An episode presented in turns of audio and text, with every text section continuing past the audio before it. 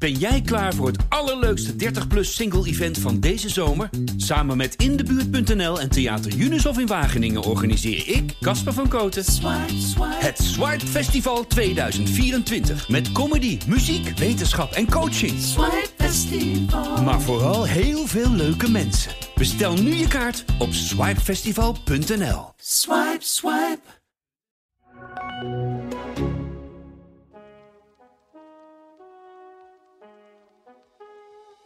Dit is de Geldichtbij podcast en mijn naam is Bram Verbrugge. Met verslaggevers en experts praten we over geldzaken en al het nieuws dat u en ik voelen in de portemonnee. Deze week praten we door over het Algemeen Burgerlijk Pensioenfonds, het ABP, dat zijn beleggingen in de fossiele industrie terugtrekt. Dat doet het grootste pensioenfonds van Nederland naar eigen zeggen, onder meer door het recente rapport van het klimaatpanel IPCC van de VN. Maar volgens Shell is het puur symboolpolitiek. Ook spreek ik met Natasja de Groot over de toeristensector die 1 miljard dollar van de overheid vraagt voor het herstel. Maar allereerst spreek ik met David Bremmer, expert op het gebied van energie, over het omvallen van welkom energie. Nou, eerst ook welkom David natuurlijk. Goedemiddag eh, Bram. Middag. En uh, ja, de, gisteren kregen de klanten te horen, eh, ze gaan gedwongen over naar Eneco. Hoe komt dat? Ja, hoe komt dat? Uh, nou ja, Welkom Energie is een van de vele prijsvechters op de energiemarkt. Nederland uh, kent een heel competitieve energiemarkt, liefst 60 spelers.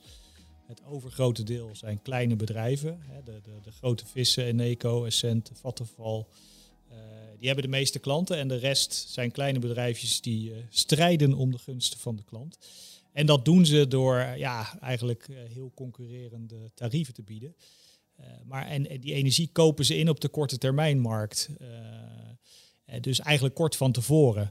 Uh, dus wat gebeurt er dan als de energieprijs, de gasprijs met name ineens spectaculair stijgt? Komen ze in problemen, want ze hebben allemaal jaarcontracten of nog langere termijncontracten met klanten die hun prijzen hebben vastgezet. En ja, ineens moeten ze veel hogere bedragen gaan betalen voor die klanten. Nou ja, en daardoor kwam Welkom Energie acuut in de problemen. En toen uh, hebben ze eigenlijk uh, wat concurrenten benaderd of ze wellicht die klantportefeuille over kunnen nemen. En nou ja, Eneco wilde dat wel. Dus ja, officieel zijn ze nog, nog niet failliet. maar die klanten gaan over naar Eneco. En nou ja, dat, uh, daar zijn ze niet erg blij mee, heel veel klanten. Nee, want je zegt een kleine speler, maar tegelijk toch 90.000 gedupeerden. Ja. ja, in absolute getallen blijft, blijven dat er natuurlijk veel. Hè, maar bijvoorbeeld uh, Eneco uh, heeft 2 miljoen plus klanten. Nou ja, volgens mij Vattenfall en uh, Essent ook. Dus eigenlijk, je hebt enkele grote vissen die het leeuwendeel van de klanten hebben. En dan, ja, de overige worden verdeeld over, over de rest. En, maar ja, dan kom je nog steeds al, al snel op tienduizenden klanten of, of soms honderdduizend of meer. Dus. En wat gaan die hiervan merken? Nou ja, die, gaan, die kunnen flink het schip ingaan. Hè. Je hebt veel klanten die nou ja, we, laat ik zo zeggen, heel veel van die klanten van Welkom Energie, dat zijn uh, heel prijsbewuste consumenten. Die zijn jaarlijks overgestapt. Uh, dus nou ja, die krijgen dan een welkomstbonus van nou ja, 150, 200, soms nog iets meer euro. Dus, en die welkomstbonus wordt altijd pas achteraf uh, verrekend. Dus nou ja, je kunt er gevoeglijk van uitgaan dat ze die kwijt zijn. als, als ze pech hebben, hebben ze een hoog voorschot ingesteld.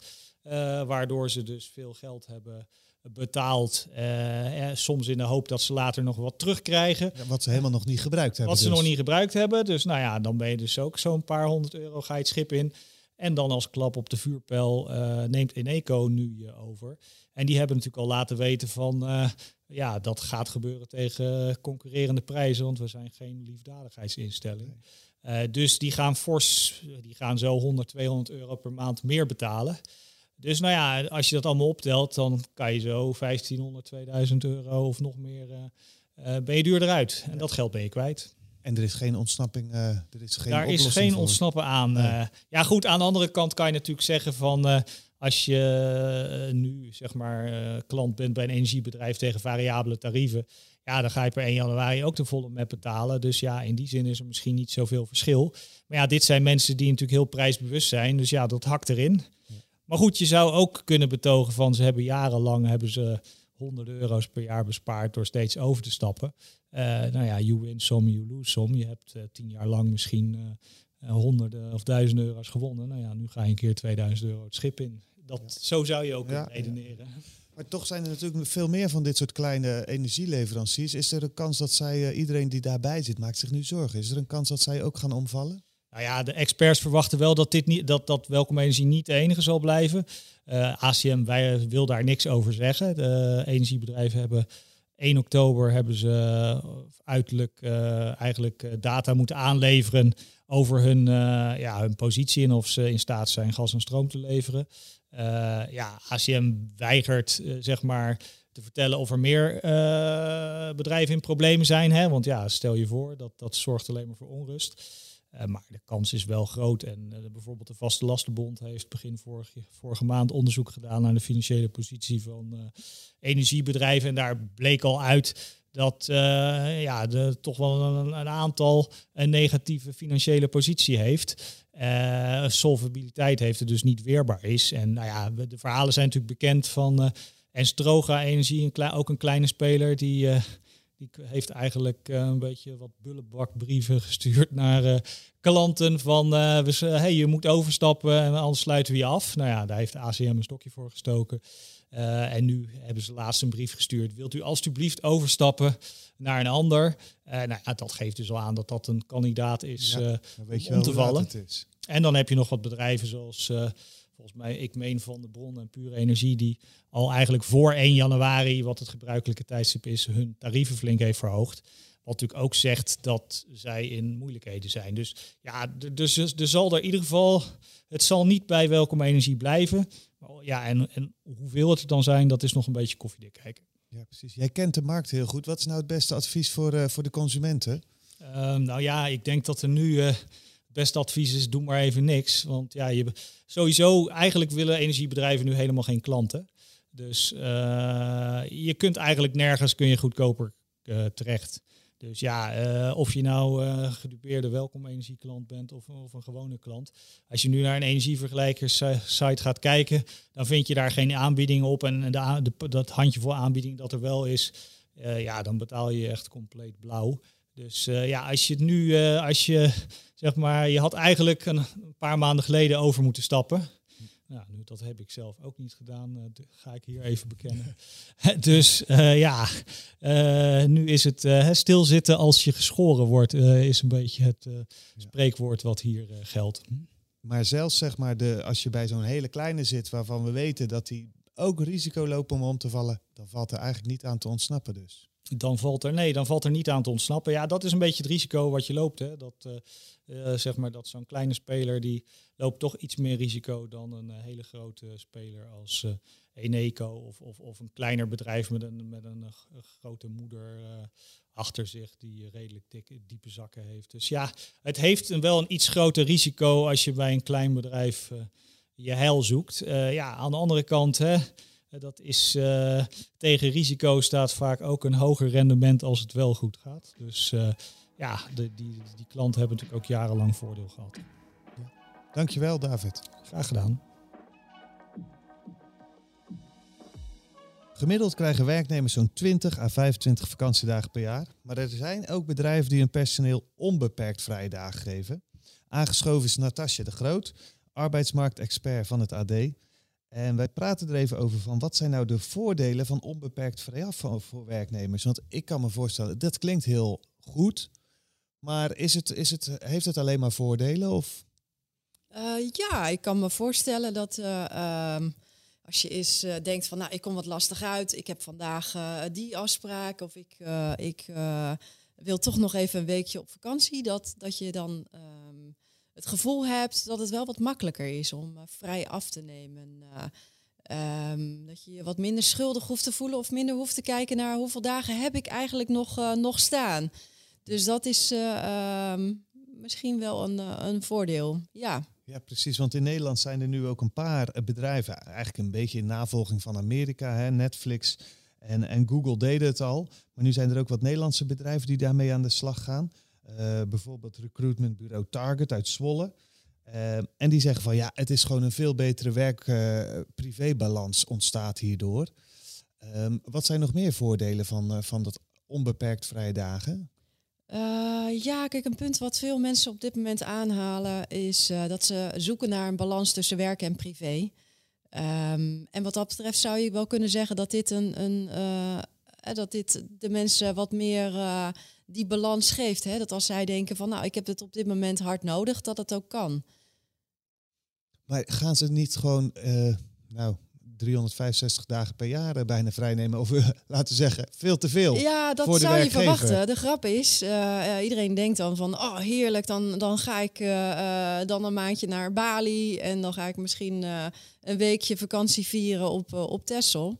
Maar het geval is in de praktijk blijkt dat uh, werknemers vaak uh, veel minder vakantiedagen opnemen. Het is vaak het gevoel dat het kan.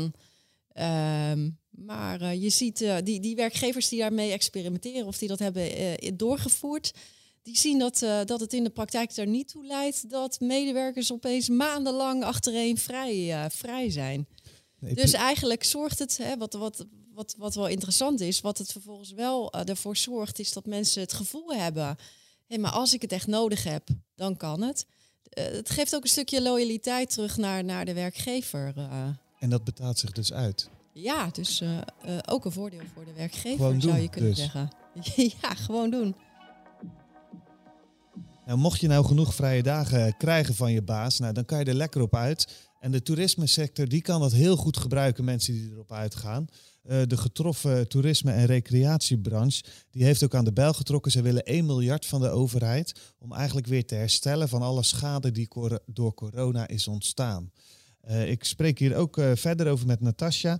1 miljard euro. Ja, wat moet er met dat geld gebeuren? Ja, dat is wel een hele goede vraag. Want het is een serieus bedrag. En, en ik heb ook wel aan deze organisaties, hè, het is een club van 15 marketingorganisaties, gevraagd: ja, wat, wat, wat gaan jullie dan precies doen met het geld? En, en eerlijk gezegd, het is ook wel, um, het is wel wat vaag wat zij zeggen, uh, we willen dat er geïnvesteerd wordt in verduurzaming van, uh, van de sector. Ze willen dat er een ministerie komt van, van toerisme, dat er een minister of in ieder geval een bewindspersoon persoon komt. Um, ja, en dat die getroffen ondernemers, die in coronatijd het echt wel bijzonder zwaar hebben gehad, dat die ook gecompenseerd worden. Maar als je dan vraagt van, maar wat, hoe ziet die duurzame uh, tour er dan uit? Hè? Welke, welke voorstellen hebben jullie dan precies? Dan komt daar niet heel veel concreets uit, uh, moet ik zeggen. Zij hopen gewoon dat er aandacht voor komt vanuit de politiek. Um, want dat is wat ze nu missen. Ja, het is echt een noodkreet. Het is een noodkreet, absoluut. Tegelijkertijd denk ik, zijn ze niet zelf verantwoordelijk om te investeren? Uh, ja, maar ja, daar raak je wel een, uh, een uh, heikel punt. want deze ondernemers, een groot aantal, zou ook best heel graag willen investeren in, in vernieuwingen. Alleen in coronatijd, hè, kijk maar even, de, de, de bioscopen, pretparken zijn dicht geweest. de horeca heeft, heeft twee lockdowns achter de rug. de zakenhotels hebben het zwaar ja, het is uh, vrij lastig als je flink hebt ingeteerd op je eigen vermogen. Om dan vervolgens aan die ondernemer te vragen: joh, uh, trek even de portemonnee om te investeren. Dus de wil is er wel. Alleen ja, die, die zakken zijn, uh, die, die, die zijn behoorlijk leeg geraakt in, in coronatijd. Hè. Veel ondernemers hebben echt wel wat geld geïnvesteerd om overeind te blijven. Ja. En, Sorry, zie je dat, uh, dat inderdaad ook veel uh, ondernemers zijn omgevallen of dat die echt zo in de problemen zijn gekomen? Ja, de, de vrees is geweest. Hè, vooraf is altijd gezegd van oh, uh, er zal een enorme hoos aan faillissementen zal er komen. We hebben het niet gezien en ook nu, hè, 1 oktober, de, de coronasteun is gestopt. We zien niet opeens een enorme stijging van het aantal ondernemers dat, dat omvalt. Um, veel ondernemers weten het toch wel te redden. Kijk, we, zien nu natuurlijk, en hopelijk blijft dat zo, maar de, de, de wereld is een beetje wat opener gegaan. Hè? In ieder geval voor die mensen die uh, een coronapas kunnen laten zien. Die kunnen weer naar de bioscoop, naar het pretpark, uh, naar hun uh, favoriete kroeg om de hoek. Dat geeft natuurlijk ook wel weer wat omzet aan, aan al die ondernemers. Dus het is even spannend natuurlijk wat hierna gaat gebeuren. Ja, gaat de overheid uh, dat geld, uh, eh, 1 miljard, ik vind het nog steeds een enorm bedrag, ja, gaan ze uh, dat geld vrijmaken? Hoe groot is die kans? Ja, lastig om te zeggen. Ik denk, kijk, de, de overheid heeft ook gezegd tegen ondernemers, hè, het is ook wel tijd om, om de eigen broek op te houden. Dus ik vermoed ehm, dat de toeristische sector niet de eerste sector is die, die vooraan staat om, om die hulp te krijgen. Maar we zullen zien. Dankjewel, Natasja. Graag gedaan. Algemeen Burgerlijk Pensioenfonds, ABP. Ze trekken de beleggingen in fossiele industrie terug en dat uh, doen ze eigenlijk onder meer door het recente rapport van het Klimaatpanel van de VN. Uh, beleggingen gingen onder meer naar Shell, uh, BP, ExxonMobil en het Russische Gazprom. En deze beleggingen worden stapsgewijs verkocht. Ik spreek hierover met Peet Vogels, verslaggever van het AD. Peet, waarom zijn ze tot dit besluit gekomen? Um, ja, zoals je in je inleiding al zegt, onder andere naar aanleiding van het klimaatrapport van, uh, van de Verenigde Naties. Ze zeggen zelf, Corien Wortman, de voorzitter, bestuursvoorzitter van het ABP, dat het te lang duurt voordat de fossiele energiebedrijven de overstap naar duurzaam maken. Nou zeggen, ze, uh, zeggen andere partijen dat al veel langer. en zij hebben eigenlijk heel lang geroepen, nee, we moeten samen in gesprek blijven. Waarom is dat nu opeens veranderd? Ja, dat is een goede vraag. Een maand geleden zei het ABP eh, nog dat zij die kritische dialoog voorstaan. ze hebben ook altijd tegen klimaatresoluties van, van, van milieuclubs gestemd op de, op de aandeelhoudersvergaderingen. Maar ja, volgens hen zelf is het nu toch zo duidelijk en is het zo alarmerend. Dan moet er zo snel iets gebeuren dat, dat ze het geloof dat die energiebedrijven die omslag snel kunnen maken, zijn ze kwijt. Ja, tegelijk, ze hebben 500 miljard euro. Hè. Eh, ze stonden veel langer onder druk. En nu uh, gaan ze dan toch doen. hebben eh, de dreigende rechtszaken van, van deelnemers daar ook nog iets mee te maken? Ja, ongetwijfeld. Ze, hebben natuurlijk een, een, ook een beetje scheve schaats gereden zelf met het toen Menno Snel, eh, ex-staatssecretaris, eh, namens de werkgevers in het bestuur kwam, een paar maanden geleden. En de man zat er net een maand en maakte bekend dat hij voorzitter werd van de NOGEPA, de lobbyclub van de fossiele industrie in Nederland. En ja, op het moment dat je zegt wij willen duurzaam zijn en, en dan een van je belangrijkste bestuurders voorzitter laten worden van een, van een club van de vervuilende industrie, dat, ja, dat, dat, dat steekt. totaal niet te rijmen. Ja, en zijn de leden ook. Fonds daar iets aan doen? Of? Ja, natuurlijk. Hè. Zij, hebben, zij hebben het goedgekeurd dat hij die functie uh, erbij nam. Dus uh, dat heeft hij netjes gemeld. En toen was het argument hetzelfde als wat de ABP ook als eigen aandeelhouder uh, roept. Van ja, maar hè, die club die wil juist ook gaan verduurzamen. En dan hebben ze hè, aan snel een hele goede. Nou ja, dat blijkt dus. Hè, nu zijn ze dus tot het inzicht gekomen in een, in een maand tijd dat het, uh, dat het niet zo is. En reken maar dat daar de druk vanuit de leden een belangrijke rol bij heeft gespeeld. Ja. ja. En de druk van buitenaf, er zijn ook best wat protesten geweest. Ook de gemeente Amsterdam bijvoorbeeld heeft daar wat over gezegd. En, en nou, meerdere natuurlijk milieuclubs. Uh, dat soort protesten, uh, speelt dat nog mee? Ja, dat denk ik wel, want zij zijn natuurlijk een grote organisatie, je zegt ruim 500 miljard. Dus zij hebben gewoon veel invloed. En zij kunnen niet zeggen van wij zitten hier puur alleen om een goed, om een goed pensioen te, te verzorgen. Dus wij kijken alleen naar het rendement op onze beleggingen en niet naar de dingen wat... ik sprak eerder met het ander pensioenfonds, PMT. En daar zei ook een bestuurder van, ja, wat heb je nou aan een goed pensioen als je geen wereld meer hebt? Dus, hè, en dat is een beetje een notendop waar zo'n pensioenfonds voor staat natuurlijk, voor die keuze. Ja. En je noemt net het rendement. Uh, ze zeiden zelf, we gaan ervan uit dat dit besluit geen negatief effect heeft op een uh, langjarig rendement. Maar ik kan me voorstellen dat als je je kaarten zo open op tafel legt, dat dat wel degelijk lastig is om dan deze aandelen allemaal te verkopen. Ja, het gaat overigens niet alleen om aandelen, ook om, om, obligaties. Het gaat in totaal om 15 miljard. Dat is natuurlijk een fors bedrag. Maar als je kijkt naar de fossiele industrie, is het, uh, is het echt peanuts. Dus je zag ook op die dag, het aandeel Shell bewoog daar niet op. dus het heeft ook wel een symbolische, symbolische waarde. Dus. Maar wat je zei over het rendement, dat klopt. Maar er zijn al meer fondsen, bijvoorbeeld Triodos Bank, de ASN, die ook beleggingsfondsen hebben die alleen duurzaam beleggen en die maken ook gewoon net, zo, net zulke goede rendementen als uh, beleggingen in olie en gas. Dus dat is gewoon prima te doen? Ja, dat is prima te doen. Ja. Precies. Uh, hoe reageerde Shell erop? Want die uh, waren not amused.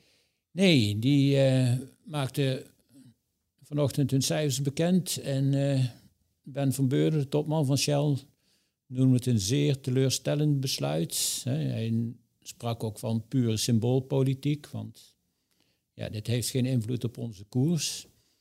Dus maar uh, zei ja, wij willen juist graag stabiele lange termijn beleggers die, waar we mee in dialoog gaan. En hij zei ook, we hebben nog vrij recent met de ABP gesproken.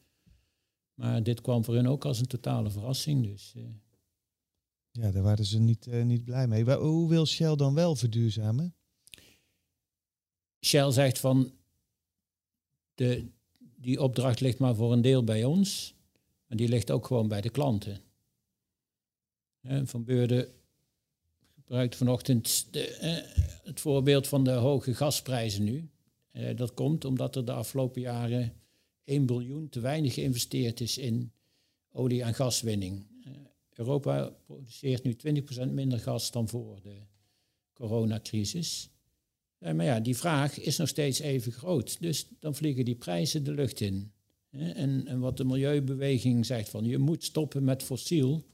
Ja, als je nu stopt met fossiel, dan vliegen die energieprijzen helemaal door het dak. Want er is gewoon niet genoeg duurzame energie om, om dat op te vangen. Dus, eh, dus wat Shell zegt van wij doen ons best, maar je zult toch vooral die vraag moeten sturen. Hè? Als de vraag naar duurzame energie groter wordt, dan komt het aanbod vanzelf.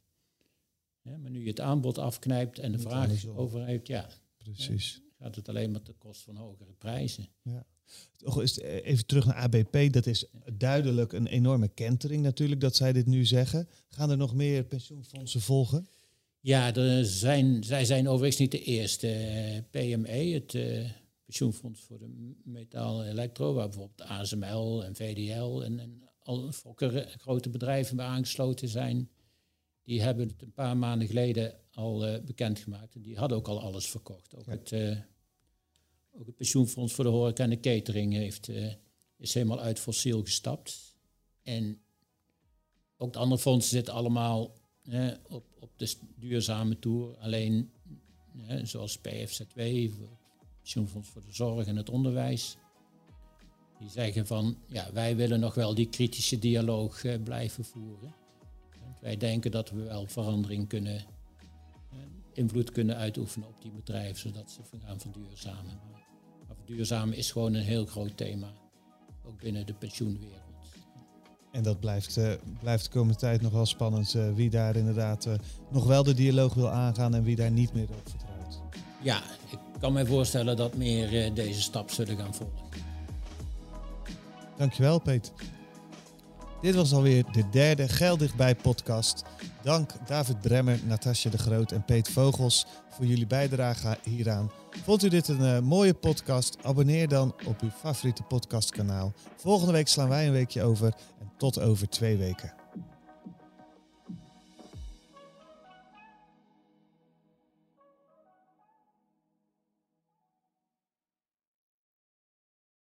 Ben jij klaar voor het allerleukste 30-plus single-event van deze zomer? Samen met Indebuurt.nl en Theater Unisof in Wageningen organiseer ik, Casper van Koten, het Swipe Festival 2024. Met comedy, muziek, wetenschap en coaching. Swipe Festival. Maar vooral heel veel leuke mensen. Bestel nu je kaart op swipefestival.nl. Swipe, swipe.